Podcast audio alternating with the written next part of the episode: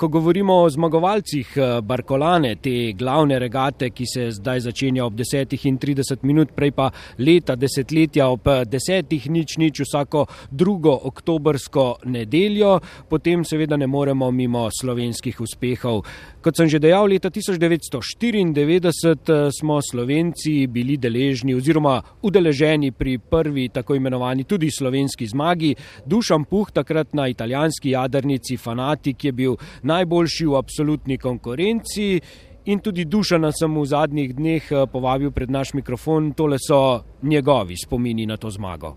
No, lepi spomini so vedno lepi, ne? posebno na zmage eh, ali pa recimo eh, zmago, prvo absolutno zmago na Brokolani.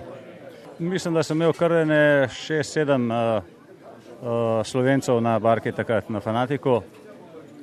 No, sicer pa je pol sem bil jasno v ekipi uh, stalno uh, Maxi Jene, oziroma uh, Guy Legend takrat.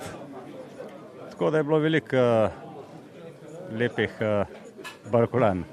Kako pa gledate na ta razvoj Barkolane, ne samo kot regate, ampak kot dogodka v Tržaškem zalivu, ki je v bistvu že presegal to zadnjo dejanje, torej to regato s skupnim štartom vse flote. To je predvsem dogodek zdaj. Torej, Italijani imajo, oziroma Tržačani, srečo, da se je ta uh, jadralni klub uh, Barkovlje tako dobro organiziral, da jim je pripravil tak uh, super uh, dogodek, ki traja zdaj uh, vse teden, oziroma tudi več.